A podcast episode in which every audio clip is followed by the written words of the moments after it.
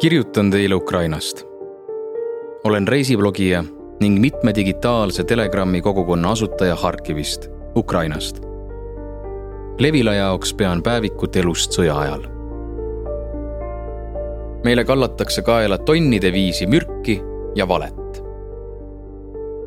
saan Alinaga kokku Kiievi kesklinnas, ühe kohviku suveterrassil. on selge, et meie turvatunne ja kokkusaaminegi on võimalikud tänu meie sõjasangarite uskumatutele kangelastegudele.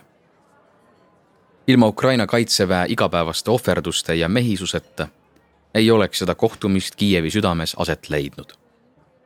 ja mine tea, kas Ukrainagi eksisteeriks veel riigina, kui Vene vägedel oleks õnnestunud Kiiev kolme päevaga ära vallutada. Alina oleks sel aastal pidanud Eurovisioonile minema kuid tema minevikuvea ja sellest puhkenud skandaali tõttu sõitis lauluvõistlusele Kalush orkestra. loovinimesed elavad sündmusi sügavamalt läbi ja hiljem sublimeerivad läbielatut loovprodukti. jutuajamine Aliinaga oli katse aru saada loomeinimeste sõjatajust. Aliina elus on olnud kaks kohutavat hommikut, mil süda tahtis lõhkeda. esimene selline hommik oli kahe tuhande kuuendal aastal kui ema äratas Alina teatega, et tema nõbu, kes oli talle nagu õde, sattus autoavariisse ja suri. tunded, mida ei ole võimalik sõnadega edasi anda. samasugused tunded valdasid Alinat ka tema elu teisel, kõige hirmsamal hommikul, kahekümne neljandal veebruaril, mil puhkes sõda. ka seekord oli ema see, kes äratas Alina kohutava teatega Venemaa täiemahulisest sissetungist Alina peatus toona oma vanemate juures Taga-Karpaatia oblastis, kuhu oli sõitnud toibuma raskest eluperioodist.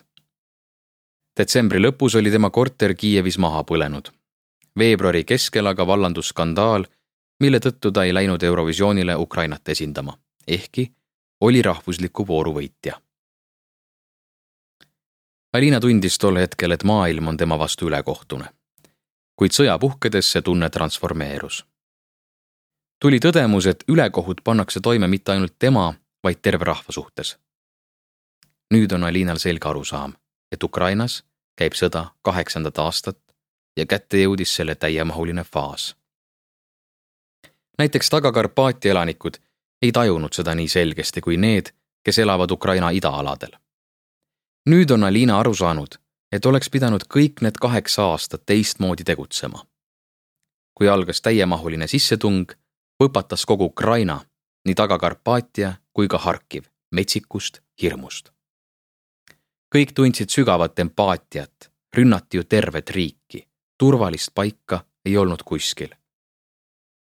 raketid lendasid nii itta kui läände. empaatia ja ühtekuuluvustunne ühendavad nüüd ukrainlasi hoolimata venelaste jätkuvatest katsetest meid inforünnakutega üksteise vastu pöörata. keele etnilise kuuluvuse või teiste tegurite abil. ukrainlased on nüüd ühtsed nagu ei kunagi varem ja võitlevad ühise vaenlase vastu. mitte mingid varemalt Ukrainas tegutsenud venemeelsed jõud ei suuda meid veenda Venemaa sõbralikkuses. vaenlase nägu on selgesti kristalliseerunud.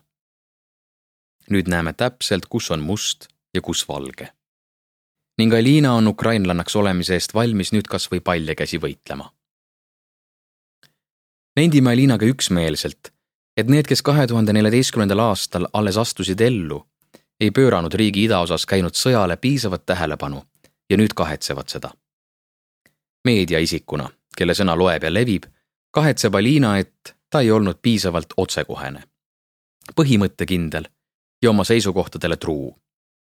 ta leiab nüüd, et oleks suveräänsuse säilitamiseks ja Ukraina kultuuri maailmas levitamiseks võinud ja pidanud jõulisemalt töötama. Alina uskus, et tema rahvaloomingule tuginev muusika räägib iseenda eest ja kasvatab kultuuripärandit. kuid nüüd arvab ta, et mõnikord vajavad inimesed sirgjoonelisemat sõnumit. nüüd on Alina suunanud kogu oma jõu Ukraina võidu lähemale toomisele. ukrainlastel polegi muud varianti. kõik töötavad ühise võidu nimel. mitte keegi ei lase ligi mõtet, et Ukraina võiks kaotada sest siis ei saaks selles maailmas üldse mitte mingitest õiglusnormidest rääkida. meile kallatakse kaela tonnide viisi mürki ja valet, kuid valgus peab sellest pimedusest läbi murdma. sest meie oleme tõe poolel ja kõik, kes näevad, mis Ukrainas toimub, saavad sellest aru. loomulikult oli meil enne sõda riigisiseselt paljudes küsimustes erimeelsusi. kuid nüüd on aeg käes õppida üksteisega leppima, üksteisele andeks andma, mitte lasta inforünnakutel meid üksteise vastu ässitada. praegu peab kogu viha olema suunatud ühte kohta, Venemaale. meie põlvkonnale on osaks saanud keeruline saatus. ent kui järele mõelda, siis kas ukrainlastel on kunagi kerge olnud?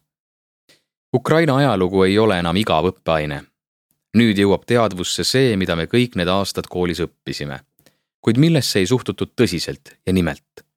Ukraina on kogu oma ajaloo vältel võidelnud iseseisvuse eest ning kõik see aeg on peamine kurjus olnud Venemaa, mis kõigepealt vallutab maid ja loob impeeriumi ning hiljem, kui impeerium hakkab lagunema, püüab seda pidevalt sõjaga restaureerida.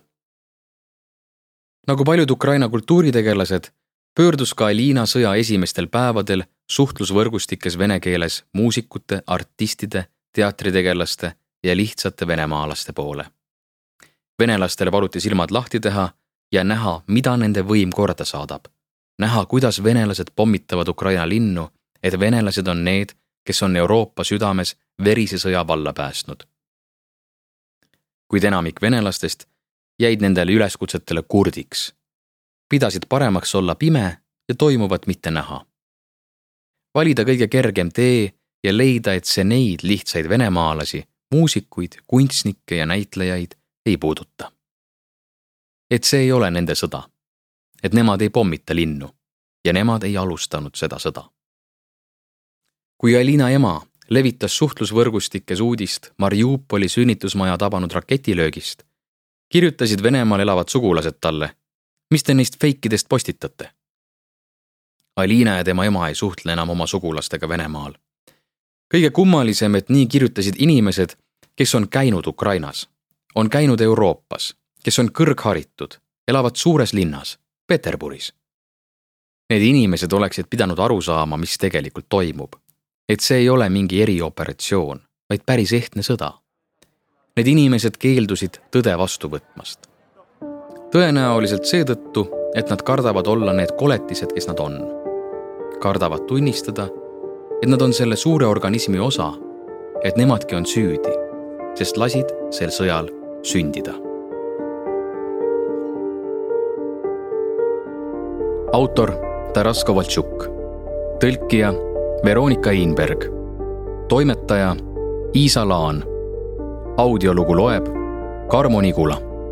salvestus, helikujundus Janek Murd. originaalmuusika Konstantin Tsõbulevski. Levila kaks tuhat kakskümmend kaks